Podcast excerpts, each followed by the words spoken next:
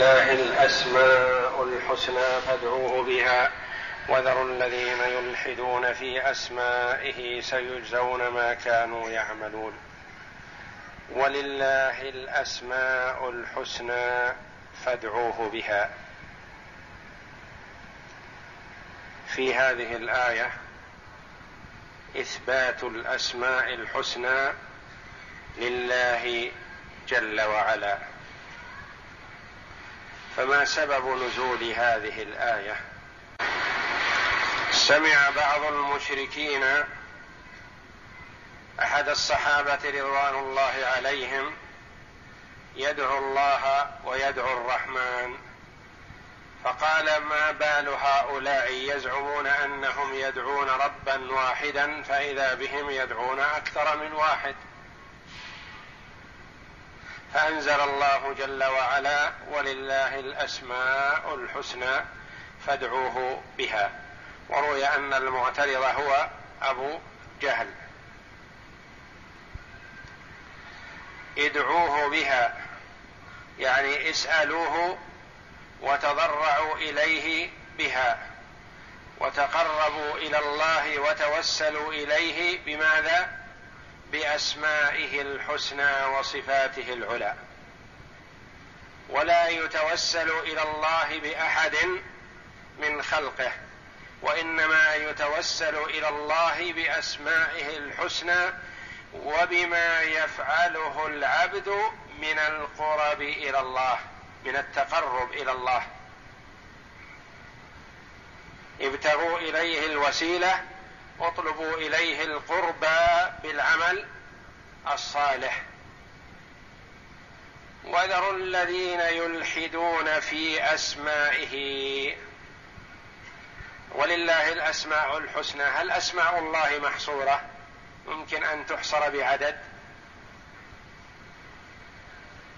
لا تحصر بعدد. وإنما قوله صلى الله عليه وسلم في الحديث إن لله تسعة وتسعين اسما له تسعة وتسعون اسما وله غيرها جل وعلا. فهذا الحديث لا يفهم منه حصر الأسماء في هذه في هذا العدد. وإنما له هذا العدد وله غير هذه الأسماء كما ثبت ذلك في الحديث ما هو؟ أسألك بكل اسم هو لك سميت به نفسك أو أنزلته في كتابك أو علمته أحدا من خلقك أو استأثرت به في علم الغيب عندك. فلله جل وعلا أسماء حسنى استأثر بها عنده جل وعلا لم يطلع عليها أحد. وذروا الذين يلحدون في أسمائه. ذروا بمعنى اتركوا وأعرضوا. يلحدون في أسمائه. الإلحاد بمعنى الميل والإعراض عن الصواب. وذروا الذين يلحدون في أسمائه. والإلحاد في أسماء الله بماذا يكون؟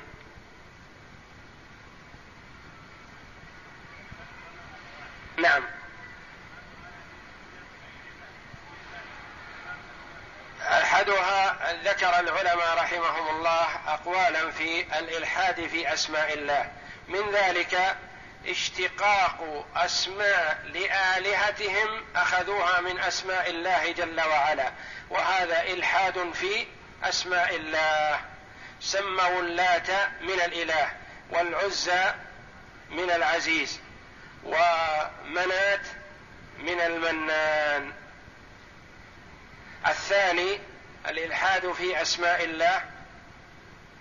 نعم يسوغ هذا بأن يوصف بما لم يتصف به جل وعلا أو جحد شيء من أسمائه وصفاته جل وعلا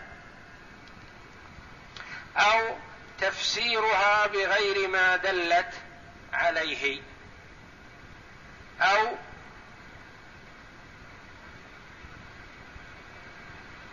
معاني في الإلحاد سوء الأدب مع الله جل وعلا. الذين يلحدون في أسمائه يسيئون الأدب مع الله جل وعلا فينادونه بما لا يليق أن ينادى به. وقوله سيجزون ما كانوا يعملون. هذا وعيد شديد لمن ألحد في أسماء الله جل وعلا بأن الله جل وعلا سيعذبه وينتقم منه في الدار الآخرة. وقوله تعالى وممن خلقنا أمة يهدون بالحق وبه يعدلون. في من نزلت هذه الآية في هذه الأمة. فحينما قرأ صلى الله عليه وسلم هذه الآية قال هذه لكم وقد أعطي القوم بين أيديكم مثلها في قوله تعالى ومن قوم موسى أمة يهدون بالحق وبه يعدلون معنى يهدون بالحق؟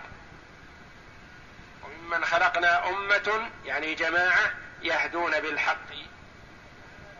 يعني يدعون إليه ويرشدون الناس إليه لأن الهداية بمعنى الإرشاد والدلالة لا بمعنى التوفيق هنا لأن التوفيق بيد بيد الله جل وعلا. يهدون بالحق وبه يعدلون يعني يدعون إليه ويعملون به. وقوله تعالى والذين كذبوا بآياتنا سنستدرجهم من حيث لا يعلمون وأملي لهم إن كيدي متين. والذين كذبوا بآياتنا ما المراد بهؤلاء؟ قولان للعلماء رحمهم الله. قيل هم كفار قريش المستهزئون بمحمد صلى الله عليه وسلم والقرآن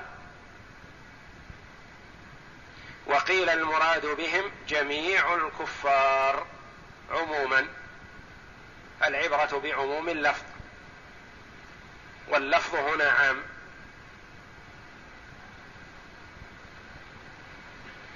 والذين كذبوا بآياتنا ما المراد بآيات الله؟ القرآن. والعلامات الدالة على وحدانية الله جل وعلا وعلى استحقاقه للعبادة ومن ذلك تكذيب محمد صلى الله عليه وسلم. والذين كذبوا بآياتنا سنستدرجهم من حيث لا يعلمون. سنستدرجهم الاستدراج والدرج والدروج ولفظة درجة يؤخذ منها شيئا فشيئا.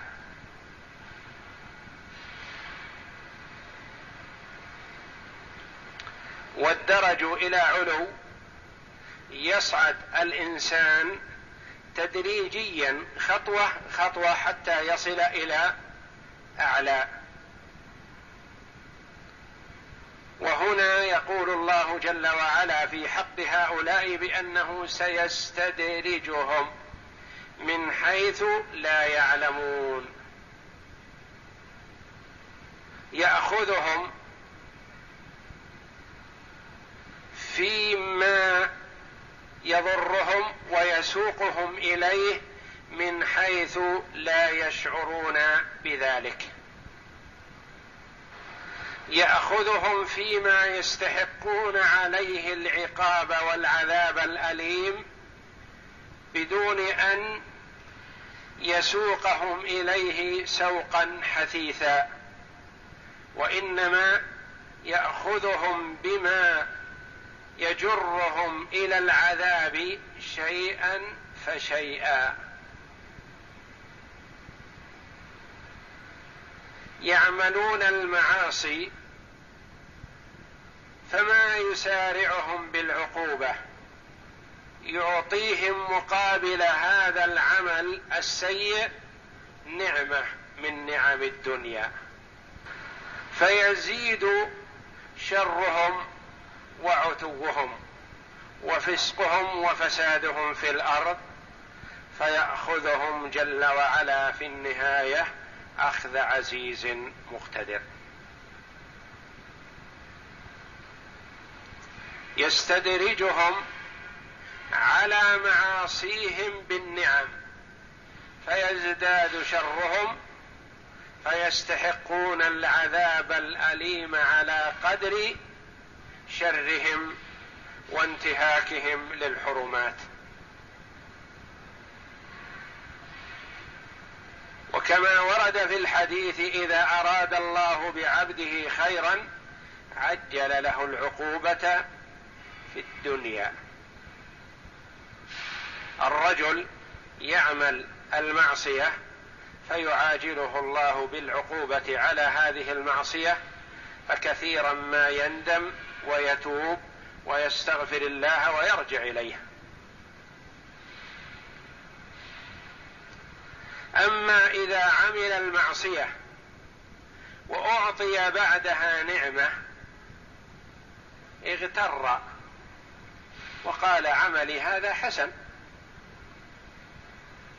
لولا أنه حسن وفي محله وفي المكان المناسب لما مد لي وأعطيت ما أشتهي. ثم يزيد في المعصية فيعطيه الله مقابل ذلك نعمة من نعم الدنيا. والله جل وعلا يعطي الدنيا من يحب ومن لا يحب. فيزداد فسقه. فيستحق على ذلك أشد العقوبة. لأنه كلما ازداد فجور المرء وعتوه زادت عقوبته. فالله جل وعلا يمده بنعم الدنيا استدراجا منه. وكما قال بعض السلف إذا رأيت الله يعطي العبد من الدنيا ما يحب على معاصيه فلم ير أن ذلك ينكر به فلا عقل له. لأن المرء إذا أعطي ما يحب مع معصيته فذلك مكر من الله جل وعلا به.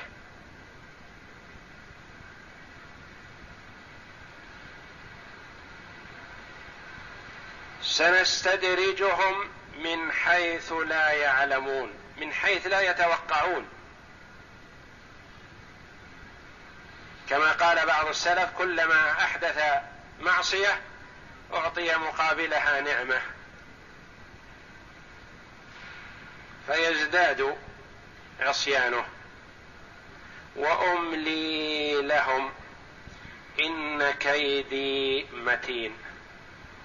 الاملاء بمعنى الامهال املي لهم يمهلهم الله ولا يسارع إليهم بالعقوبة. وربما أمهل في أجله وطال عمره. وطول العمر خير للمؤمن لأنه يزداد عملا صالحا وشر للكافر لأنه يزداد عملا سيئا. كلما طال عمره زاد شره. وأملي لهم أمهلهم فلا أعاجلهم بالعقوبة. إن كيدي متين. إن كيدي متين. متين بمعنى قوي. شديد. فهو جل وعلا يكيد بالكافرين الظالمين ويلطف بعباده المؤمنين. وهذه الأفعال كما وردت في الكتاب والسنة تنسب إلى الله لكن لا يصح أن يشتق له منها اسم ولا صفة.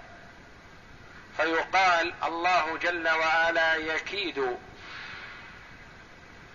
للكافرين ويمكر بالظالمين ويخادع المنافقين.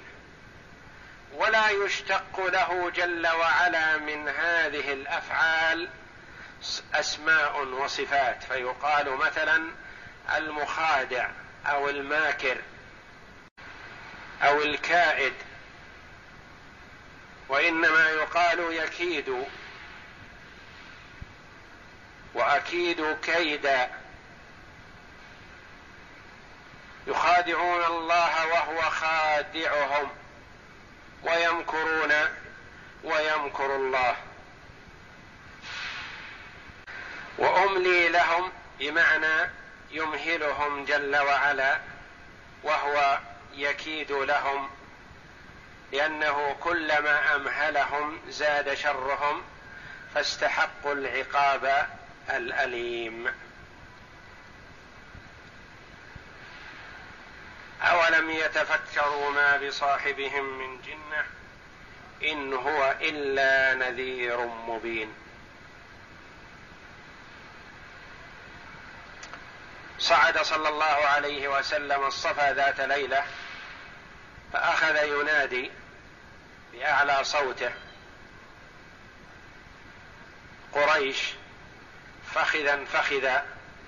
يا بني فلان ويا بني فلان ويا بني فلان. حتى اجتمعوا إليه فخوفهم عليه الصلاة والسلام عقاب الله ونقمته وحذرهم عذابه. فقال قائلهم ما بال صاحبكم إنه لمجنون. بات كل ليله يصيح أو يصيح حتى الصباح. إنه لمجنون. فأنزل الله جل وعلا أولم يتفكروا ما بصاحبهم من جنة؟ إن هو إلا نذير مبين. أولم يتفكروا؟ يعني الواجب على الإنسان إذا دعي إلى أمر من الأمور أن يعمل فكرة وعقله الذي أعطاه الله ووهبه. فينظر هل في هذا خير ومصلحة له أم في هذا شر وسوء عذاب وألم. ولا خير فيه فيرده. أولم يتفكروا؟ والله جل وعلا أمر عباده بأن يتفكروا فيما حولهم عموما وأمر هؤلاء في أن يتفكروا فيما يختص بصفة محمد صلى الله عليه وسلم. صاحب الأخلاق الطيبة. والأدب الحسن الذي تولى الله جل وعلا تأديبه كما قال عليه الصلاة والسلام أدبني ربي فأحسن تأديبي. وأثنى الله جل وعلا عليه في الخلق وإنك لعلى خلق عظيم. ينظر هذا أكمل شخص موجود على وجه الأرض. هل يصح أن يطلق عليه إنه مجنون؟ أكمل شخص وأكمل مخلوق عليه الصلاة والسلام. هل يليق أن يوصف بالجنون؟ الإنسان لو وصف شخصا عاديا قال هذا مجنون لأخذ عليه ذلك كيف تصف إنسان لا جنون فيه بأنه مجنون؟ فما بالك إذا وصف أكمل الخلق على الإطلاق بأنه مجنون؟ فالخلل فيه نفسه لا في الموصوف بصفة الجنون. فمن تناديه بصفة الجنون هو أكمل الخلق. اذا فالنقص فيك أنت أيها المتكلم. أيها الواصف له بالجنون هذا خلل فيك أنت. أولم يتفكروا ما بصاحبهم؟ ونسبه إليهم جل وعلا فقال صاحبهم ليس بغريب عنهم وليس بوافد لا يعلمون عنه شيء. هو صاحبهم منذ الطفولة يعرفون نشأته ويعرفون خلقه ويعرفون أدبه أيام كان صغيرا.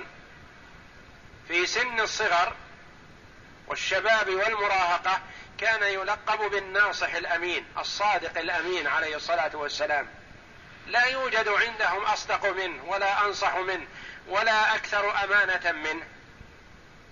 فبعدما روي الشيب في صدغيه كما قال عليه الصلاة والسلام سفهوه ونسبوه إلى الجنون صلوات الله وسلامه عليه.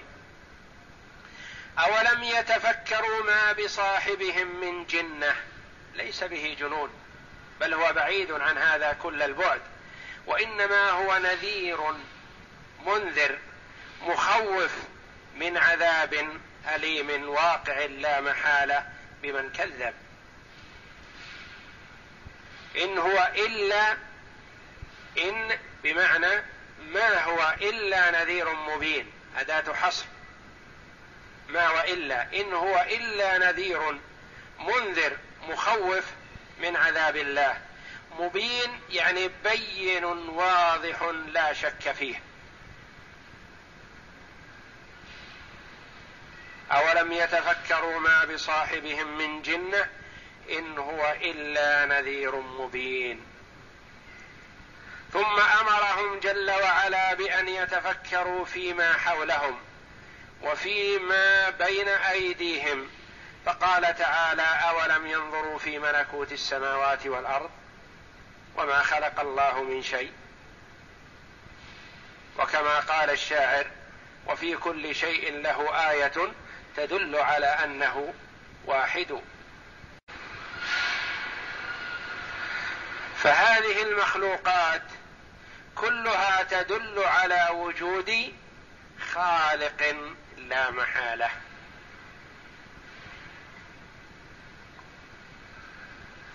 وكما روي عن الإمام أبي حنيفة رحمه الله أنه ناظره شخص في وجود الله. يعني هذا الشخص ينكر وجود الله جل وعلا. فقال له أبو حنيفة دعني أفكر أنا أفكر في خبر أخبرت عنه قبل قليل. أشغل فكري. قال ما هو؟ قال أخبرت بأن هناك سفينة. ترسو على سيف البحر وتحمل ما شاءت من هذه من البضائع ثم تنقلها من هذا المكان إلى مكان آخر وتفرغها بدون أن يكون فيها سائق ولا قائد ولا أحد يوجهها. قيل لي هذا الخبر فما صدقت وأنا أفكر فيه هل فيه مجال للتصديق بهذا أو لا. فقال هذا الدهري الذي ينكر وجود الله لا يمكن أن يكون هذا أن تكون سفينة ترسو في البحر بنفسها ثم تذهب إلى جهة ما بنفسها بدون أن توجه وتفرغ بضاعتها ثم ترجع إلى المكان الآخر بدون أن يكون لها سائق ولا قائد ولا موجه هذا غير معقول. وإن صدقت فيه فلا عقل لك. يقول قال له اذا هذا الكون العظيم الذي يسير بانتظام عظيم ودقيق هل تظن أنه يسير بنفسه بدون موجه؟ فانبهر ذلك الرجل وأذعن وغلب. لأنه خصم نفسه. سفينة لا يمكن أن تمشي بنفسها. وحدها وهذا الكون العظيم يسير بدون مسير وبدون خالق. لا يمكن أن يكون. والله جل وعلا يقول للكفار أولم ينظروا في ملكوت السماوات والأرض وما خلق الله من شيء؟ أولم ينظروا فيما حولهم؟ مما خلق الله جل وعلا. ألا يدل على وجود الله؟ ألا يدل على أن الموجد لهذه الأشياء والخالق لها هو المستحق للعبادة؟ هل يصح أن يعبد شجر أو حجر أو صنم أو قبر أو جماد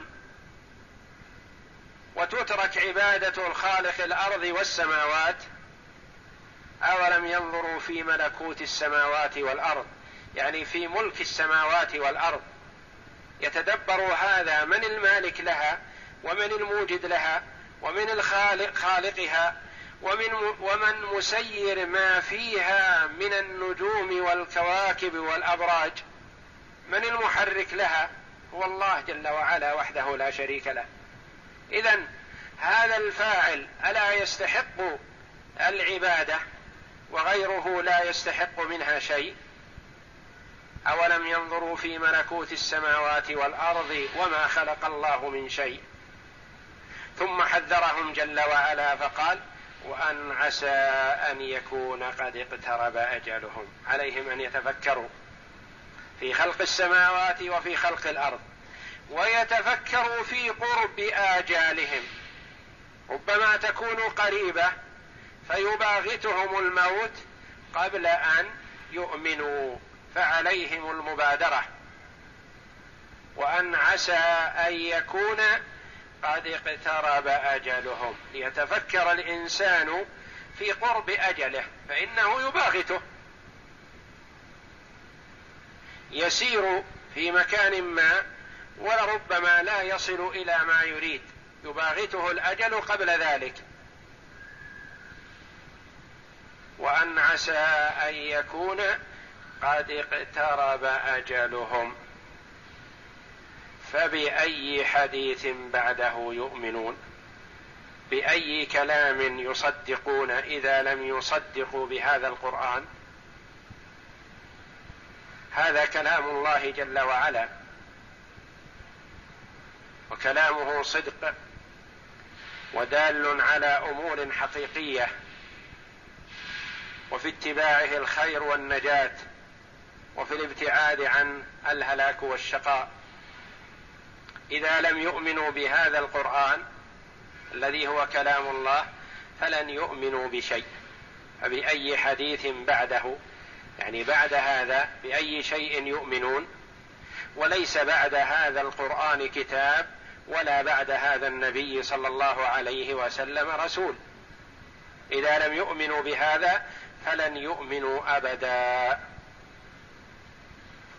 ثم بين جل وعلا أن كل ما في الكون فهو بإرادة الله جل وعلا الكونية القدرية ولا يخرج شيء عن إرادته وأنه هو الهادي لمن يشاء.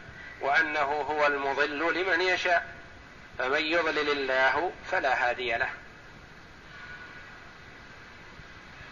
من أضله الله فلا هادي له. هل له حجة على الله؟ الله جل وعلا يعلم أن هذا سيضل ازلا وضل. فهل له حجة على ربه؟ لا. بماذا انتفت الحجة؟ بإرسال الرسل. وإنزال الكتب وهبة العقول والإدراك والسمع والبصر والحواس. بهذا انتفت الحجة. أعطى الله جل وعلا العبد القدرة وبين له الدليل. ودعاه إلى طاعته فأبى وأعرض من تلقاء نفسه وهو لم يخرج عن ما أراده الله جل وعلا أزلا. ففي هذا تسلية للنبي صلى الله عليه وسلم بأن هؤلاء الذين ضلوا وانحرفوا عن الصراط المستقيم الله جل وعلا هو الذي أضلهم فلا يمكن أن يهتدوا أبدا. ومن يضلل الله فلا هادي له. وفي هذه الآية دلالة على وجوب الإيمان بالقدر وأن الله قدر الأشياء أزلا فلا يخرج أمر من الأمور عما قدره الله. وأن العباد يفعلون باختيارهم ومشيئتهم ولا يخرجون عما شاءه الله جل وعلا وأراده كونا وقدرا. ومن يضلل الله فلا هادي له. مهما دعوت يا محمد ومهما بذلت النصيحة ومهما رغبتهم في الخير والله جل وعلا قد أضلهم فلن يستفيدوا أبدا. إنك لا تهدي من أحببت ولكن الله يهدي من يشاء. ومن يضلل الله فلا هادي له ويذرهم يتركهم ويدعهم في طغيانهم يعمهون. يترددون متحيرين لا يصلون إلى نتيجة. أعوذ بالله من الشيطان الرجيم. والذين كذبوا بآياتنا سنستدرجهم من حيث لا يعلمون. وأملي لهم إن كيدي متين. قال العماد بن كثير رحمه الله يقول تعالى والذين كذبوا بآياتنا سنستدرجهم من حيث لا يعلمون.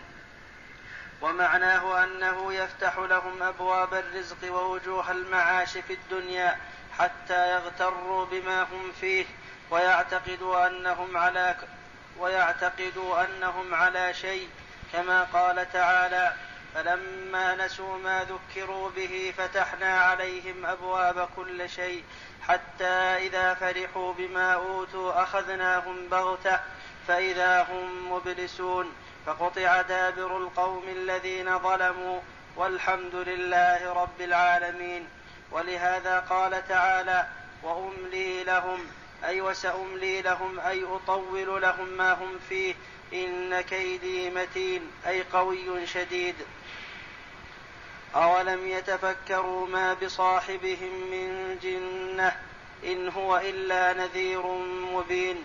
يقول تعالى أولم يتفكروا أولم يتفكروا هؤلاء المكذبون بآياتنا ما بصاحبهم يعني محمدا صلى الله عليه وسلم من جنة أي ليس به جنون بل هو رسول الله حقا دعا إلى حق إن هو إلا نذير مبين.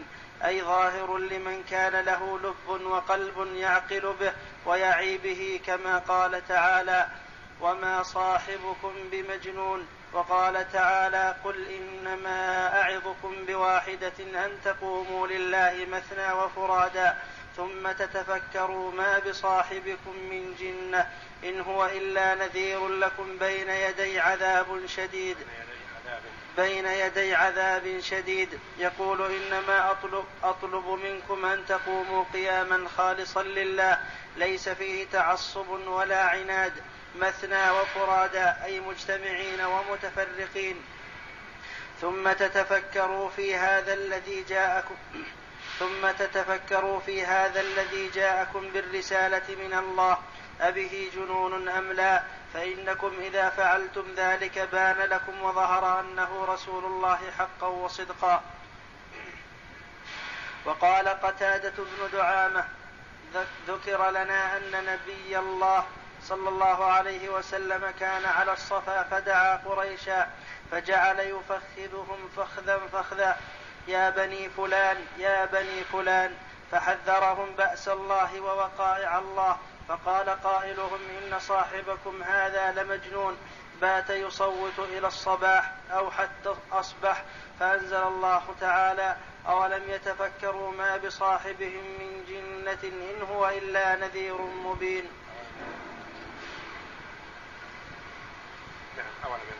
أولم ينظروا في ملكوت السماوات والأرض وما خلق الله من شيء؟ وأن عسى أن يكون قد اقترب أجلهم فبأي حديث بعده يؤمنون؟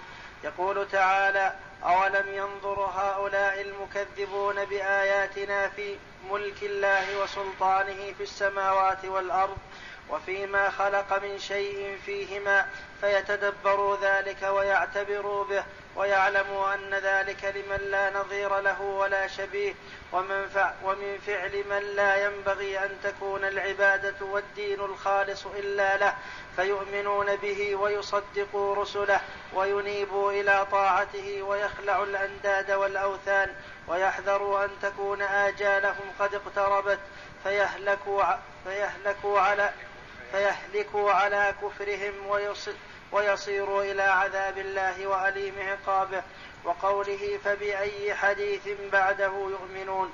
يقول فبأي تخويف وتحذير وترهيب بعد تحذير محمد صلى الله عليه وسلم وترهيبه الذي أتاهم به من عند الله في آي في آي كتابه.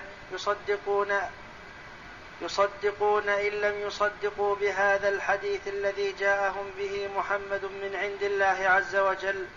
وقد روى الإمام أحمد عن حسن بن موسى وعثمان بن مسلم وعبد الصمد بن عبد الوارث كلهم عن حماد بن سلمة عن علي بن زيد بن جدعان عن أبي الصلت عن أبي هريرة قال قال رسول الله صلى الله عليه وسلم رأيت ليلة أسري بي, أسري بي كذا فلما انتهينا إلى السماء السابعة فنظرت فوقي فإذا أنا برعد وبرق وصواعق وأتيت على قوم بطونهم كالبيوت فيها الحيات ترى, ترى من خارج بطونهم. قلت من هؤلاء يا جبريل؟ قال هؤلاء أكلة الربا. فلما نزلت إلى السماء الدنيا فنظرت إلى أسفل مني فإذا أنا برهج ودخان وأصوات فقلت ما هذا يا جبريل؟